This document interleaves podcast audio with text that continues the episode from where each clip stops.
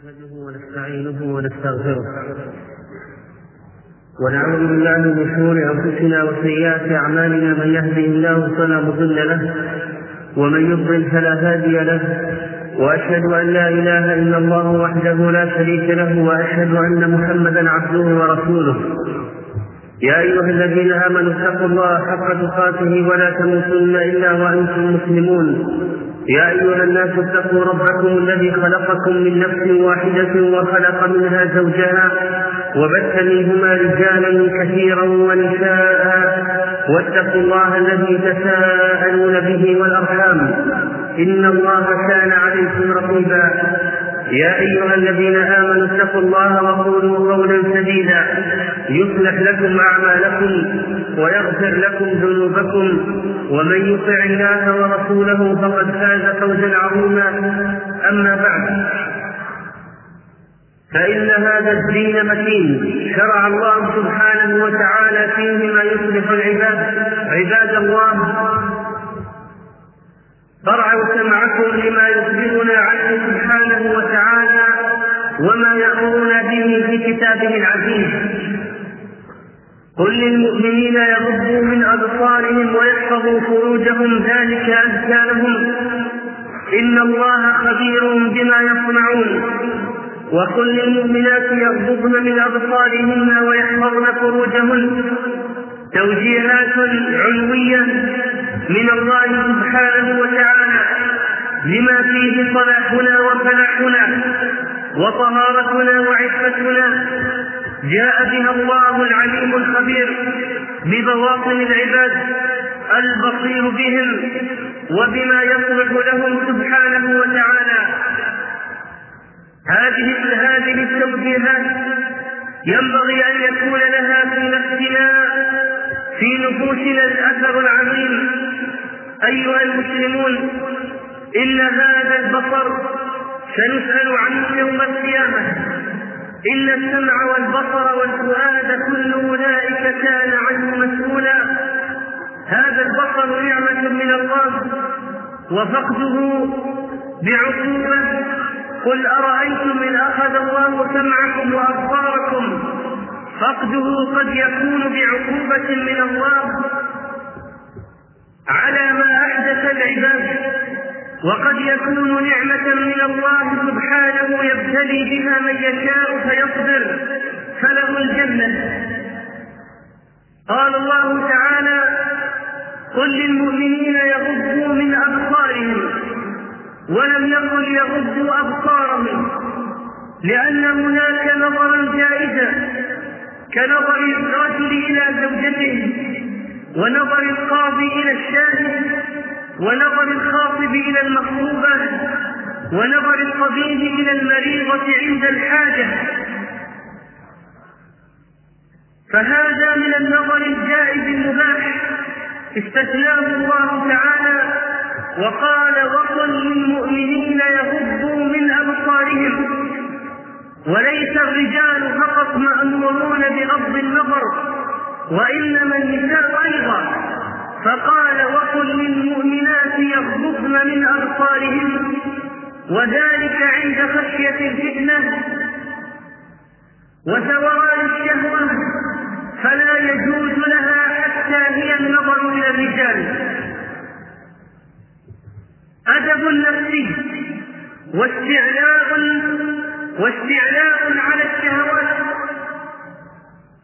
واستعلاء على النفس التي تريد الاطلاع على المحاسن والمساكن في الوجوه والأجسام. ذلك أزكى لهم أطهر لمشاعرهم. ذلك أزكى لهم حتى لا تتلوث نفوسهم بالانفعالات الشهوانية المحرمة. ذلك أزكى لهم أطهر للجماعة والمجتمع عموما. إن الله خبير بما يصنعون هو العليم بحركات النفوس والجوارح. وتأمل يا عبد الله لماذا قدم غض البصر على حفظ الفرد؟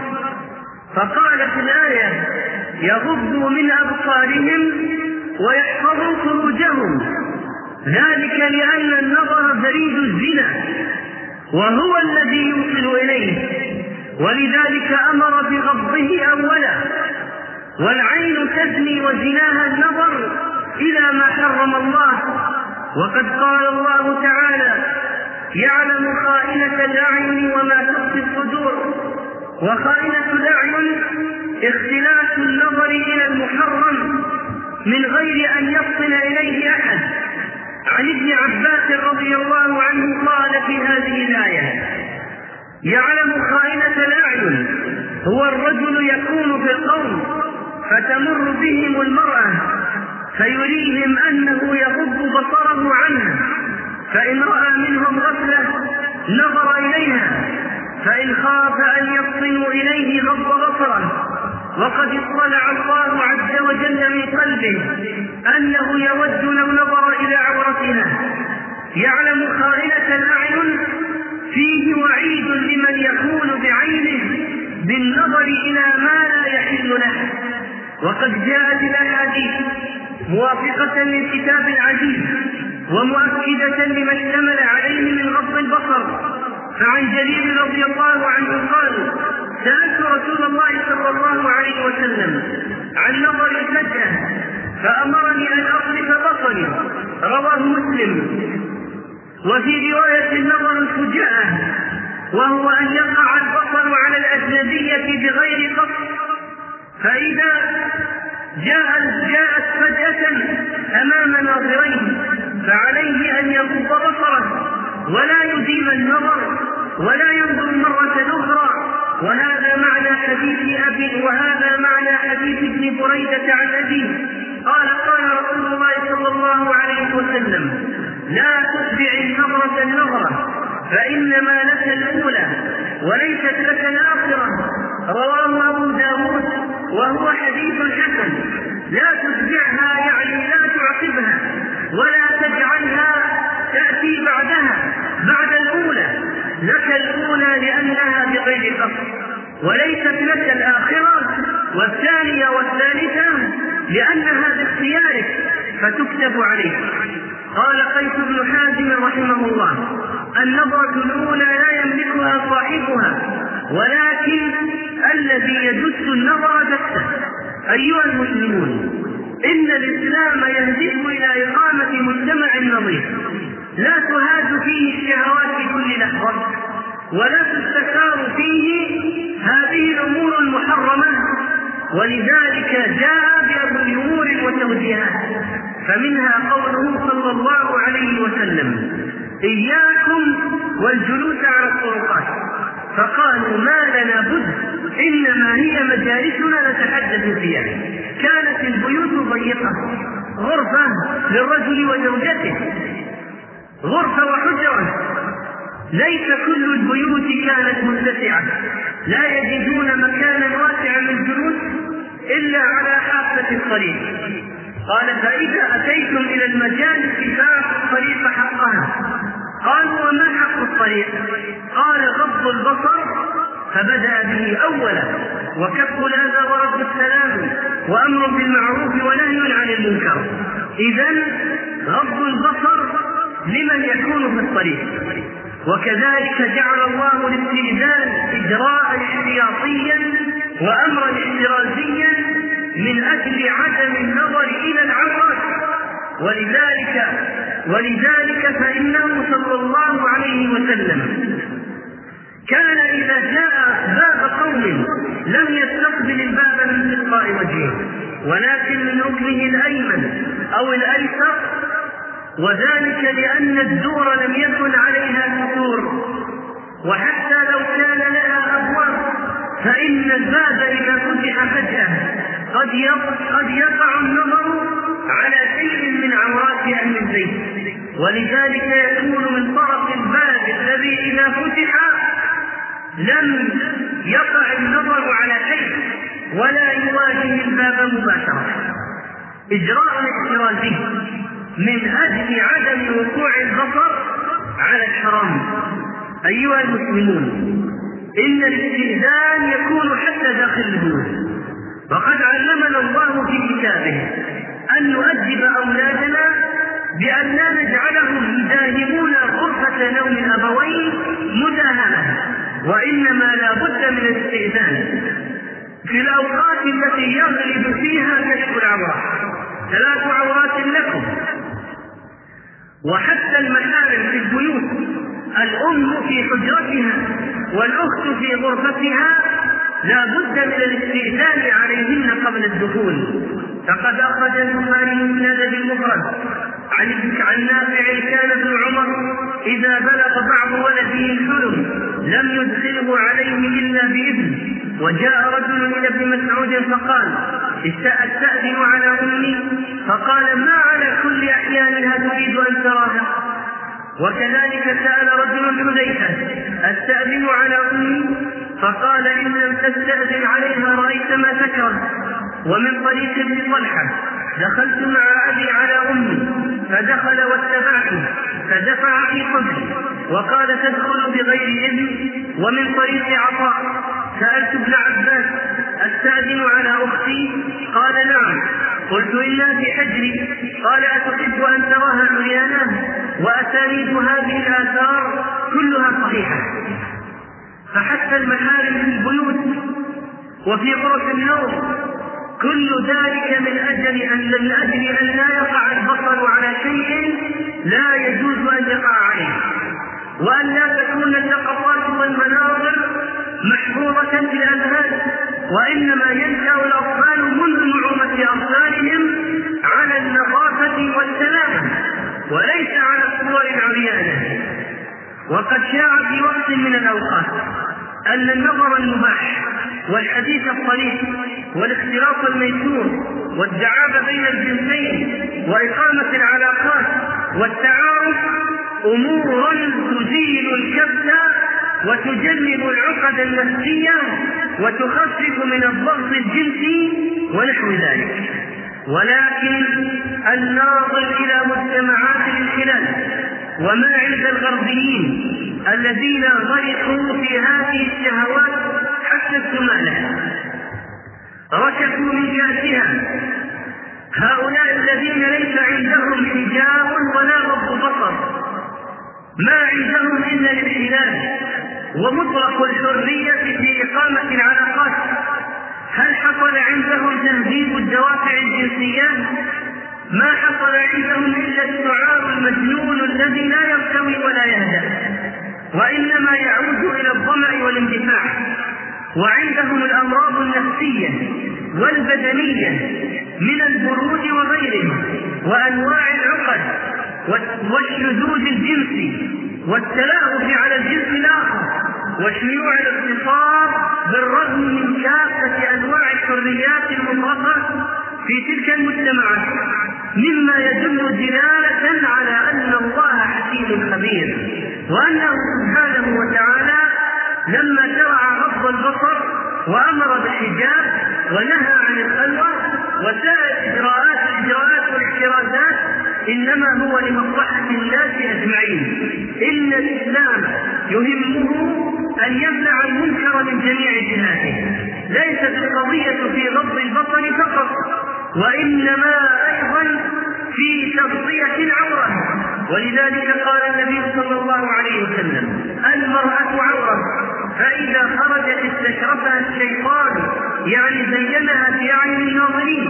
ولذلك كانت عورة كلها من أعلى شيء في رأسها إلى أخمص قدميها كلها عورة المرأة عورة بنص حديث النبي صلى الله عليه وسلم. فإذا احتجبت المرأة وراء الثياب أو الجدران فإلى أي شيء ينظر الناس؟ ولو كان عند بعضهم رغبة في النظر إجراءات متكاملة واحترازات عظيمة من الشارع سبحانه وتعالى. وحتى الرجال لهم عورات يجب عليهم تغطيتها وكذلك قال صلى الله عليه وسلم لا ينظر الرجل إلى عورة الرجل ولا المرأة إلى عورة المرأة مما يدل على أن لكل من الجنسين أمام بني جنسه عورة لا يجوز النظر إليها. وكذلك أمر بالزواج ورغب في الصيام لمن لم يستطعه وحتى المتزوج وحتى إن له إجراء إذا وقع على شيء مما يثير الشهوة في نفسه. ولذلك كان صلى الله عليه وسلم مرة جالسا في أصحابه فدخل ثم خرج وقد اغتسل فقلنا يا رسول الله قد كان شيء قال أجل مرت بي فلانة فوقع في قلبي شهوة النساء فأتيت بعض أزواجي فكذلك تفعلوا فإن من أماثل أعمالكم إتيان الحلال وللحديث شاهد من حديث أبي الزبير عن جابر أن رسول الله صلى الله عليه وسلم رأى امرأة فأتى زينب وهي تمعة منيئة يعني تسجد أديما أو جلدا فقضى حاجته. وقال إن المرأة تقبل في صورة شيطان وتدبر في صورة شيطان. فإذا رأى أحدكم امرأة فأعجبته فليأتي أهله فإن ذاك يرد ما في نفسه. فإذا رأى أحدكم امرأة فأعجبته فليأتي أهله فإن ذلك يرد ما في نفسه. ونظره صلى الله عليه وسلم لم يكن عمدا إلى حرام ابدا وإنما حصل فجأة ثم إنه صلى الله عليه وسلم انزه من في نفسه شهوة لأمر محرم وإنما فعل ذلك لكمال إعفاف نفسه وتعليم الأمة. ماذا يفعل أحدهم؟ إذا وقع بصره فجأة على امرأة فأعجبته أو رأى منظرا فجأة فدارت لنفسه شهوة فعلم الأمة. ثم أيها الإخوة إن الشارع قد منع اتيان ومشيان أماكن الفساد والمحرمات بالاضافه إلى ذلك البصر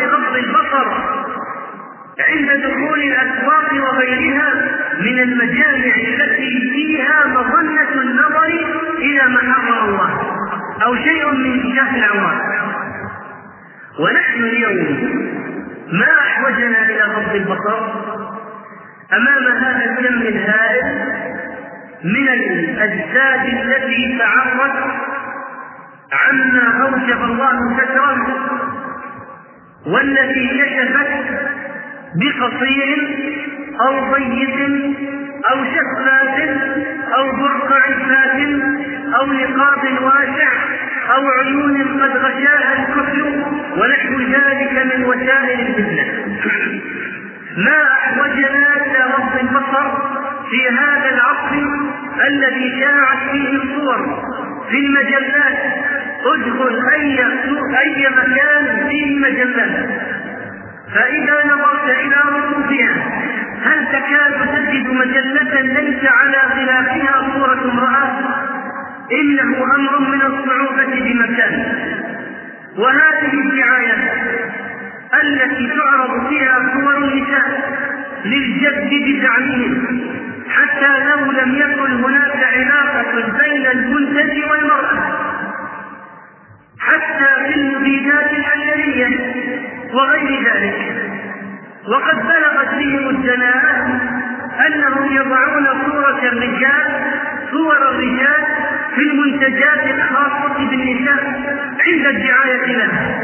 وعكس ذلك أيضا وصورة المرأة طاغية غالبة وربما وقفت ساعات تتساءل أمام سيارة ونحوها لعرض السيارات لا بد من النساء وهكذا أيها المسلمون وهكذا تقوم تقوم الدعاية المحرمة. أكثر من 90% من أنواع الدعاية والإعلان في هذا الزمان محرمة ومن أسباب التحريم غير الكذب والغش والتدليس أنهم يجعلون صورا لله فيها. ما أحوجنا إلى غض البصر. في هذا العصر الذي انتشرت فيه هذه الصور الفاتحة التي تلتقى فيها أجمل نساء العصر وتوضع في المجلات والدعايات وهذه الأفلام والشاشات. ولذلك كانت فتاوى العلماء واضحة جدا في قضية النظر إلى صور النساء في المجلات أو في الأفلام. ولو قال من قال إن هذه الصور ليست حقيقية إنما هي صور ليست المرأة التي نراها امرأة تلمس أو يذهب معها. نقول إن ذلك وسيلة للفتنة وثوران الشهوة. وقد أتى هذا الصحن الذي يلتقط الموجات ليكمل ما نقص من المسلسل مسلسل إثارة الغرائز حتى صار الناس يا عباد الله يا أمة الإسلام يا أيها العقلاء يا معشر المسلمين يا أصحاب الغيرة انظروا ماذا حصل في حالنا وكيف تبدلت الأمور. منذ سنتين كان يقال في بيت فلان لقلته لقلته يشير الناس إلى بيته من بين البيوت في الحارة أو الشارع.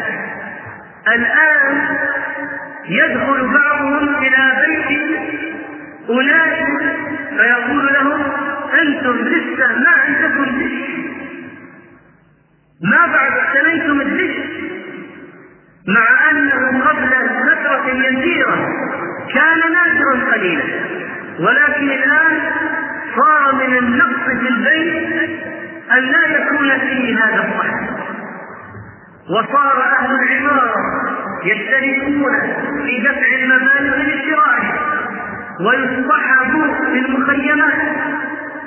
وتجد صندقة من الصنادق التي يسكن فيها الفقراء. الدش الذي فوقه أغلى منه ماذا يعني ذلك؟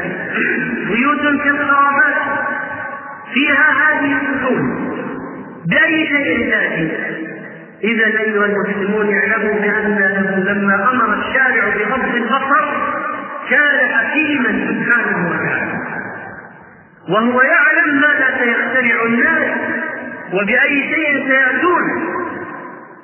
عباد الله لا بد من إعادة النظر لا بد من إعادة النظر في البيوت وإخراج المنكرات منها وسائر المحلات والشركات والمستشفيات. غض البصر أمر مهم جدا.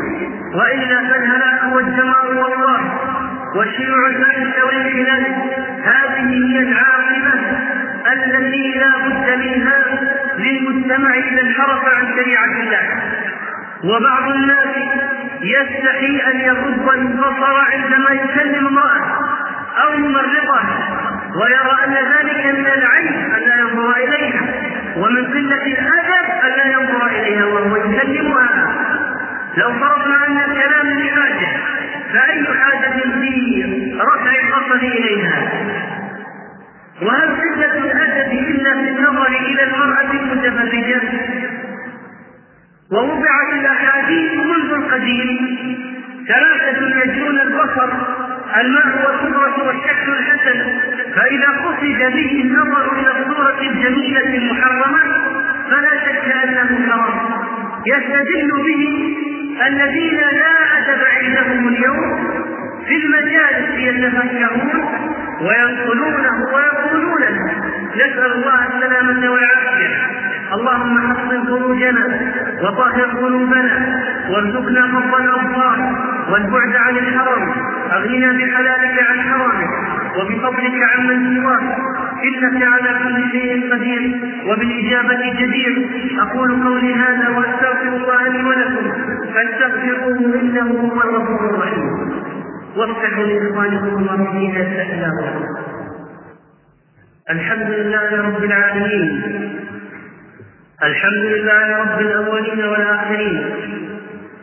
الحمد لله الذي خلق السماوات والأرض بالحق وجعل الظلمات والنور. الحمد لله الذي استوى على عرشه. الحمد لله كما ينبغي كما ينبغي له سبحانه وتعالى له الحمد في الأولى والآخرة وهو الحكيم الخبير. أشهد أن لا إله إلا هو وحده لا شريك له له الملك وله الحمد وهو على كل شيء قدير. وأشهد أن محمدا رسول الله صلى الله عليه وعلى آله وصحبه أجمعين. صلى الله عليه صلى الله عليه وعلى من تبعه بإحسان إلى يوم الدين. عباد الله إن العاقل يناظر الشيطان ويقول لماذا أنظر؟ فإن كان قبيحا أو كانت قبيحة أغتنم وأتأسف وآثر بتفصيل النظر. لأنه قد اتضح أن المسألة لا تساوي. وإن كانت حسنة جميلة فكيف أنظر وليس بحلال؟ فأبوء بعاجل الإثم والحسرة. وكذلك فإن كل نظرة يهواها القلب لا خير فيها. ولنعلم بأن النظرة سهم مسموم يسري السم إلى القلب. فيعمل في الباطن قبل أن يرى عن عمله في الظاهر. فاحذر يا عبد الله من النظر فإنه سبب الآفات وعلاجه سهل في أول الأمر صعب جدا في منتهاه وخذ هذا المثل. لو كنت على دابة فدخلت في زقاق ضيق. دخلت الدابة في زقاق ضيق لا تتمكن من الدوران فيه. فإن صحت بها في أول الأمر وزجرتها رجعت بسهولة قبل أن تكمل الدخول وأما إذا أكملت دخولها وصارت داخل السرداب والزقاق الضيق فكيف تخرجها؟ لا يمكن الاستدارة ولا الرجوع ولا شدها من ذنبها فكيف الخروج؟ كيف الخروج؟ وهكذا الأمر إذا غض الإنسان البصر من أول أمره. أما إذا تساهل وأطلق وكرر فعند ذلك الهلاك ولا بد. الهلاك ولا بد. أيها المسلمون إن النظر أصل لعامة المصائب التي تصيب الإنسان من هذه الشهوات المحرمة. فالنظرة تولد الخطرة. والخطرة تولد الفكرة والفكرة تولد الشهوة والشهوة تولد الإرادة والإرادة تصبح عزيمة والعزيمة تولد الفعل وتجعله واقعا. يا راميا مثل هذا اللحظ مجتهدا أنت القتيل بما ترمي فلا تصلي يا باعث الفرق يمتاز الشفاء له احبس رسولك لا يأتيك بالعصب كم من كم من ارسل لحظاته فما اقنع إلا وهو يتشحط بينهن قتيلا. النظر يولد الحسرات. لأن الإنسان يرى ما ليس قادرا عليه ولا قادرا عليه وهذا من أعظم العذاب.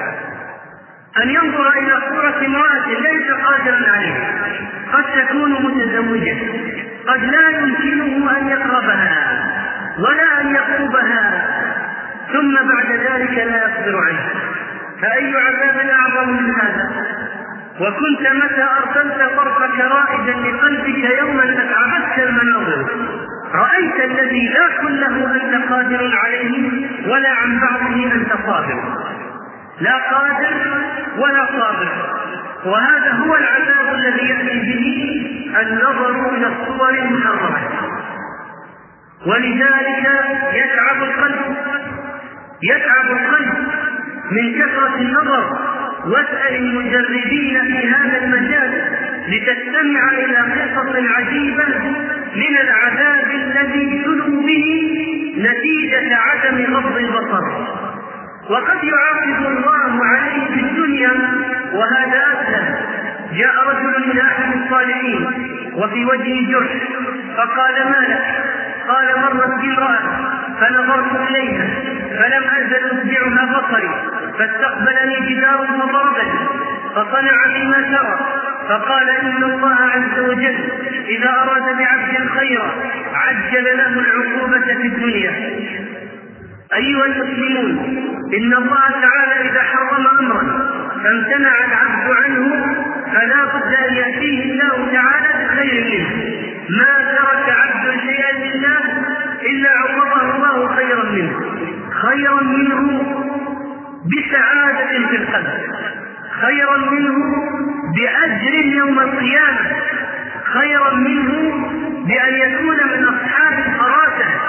لأن إصابة الحق لا تكون للواقعين في المعاصي والله نور السماوات والأرض مثل نور يعني في قلب عبد المؤمن كمشكاة فيها مصباح يريده الله تعالى ويعوضه عز وجل عن غض بصره بشجاعة قلبه وقوة قلبه ويجمع الله عليه أمره وينور له بصيرته ويسد عليه طرق الشيطان.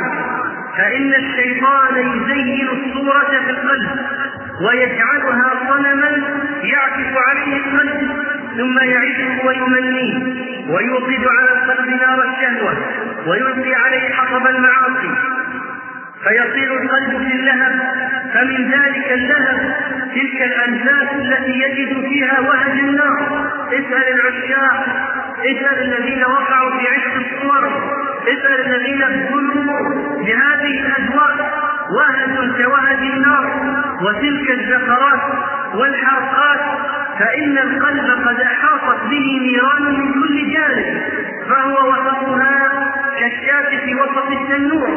ولهذا كان عقوبة أصحاب الشهوات بالصور المحرمة أن جعل لهم في البرزخ تنور من نار تودع فيه أرواحهم إلى حين حسر أجسادهم يعذبون في ذلك كما جاء في الحديث الصحيح.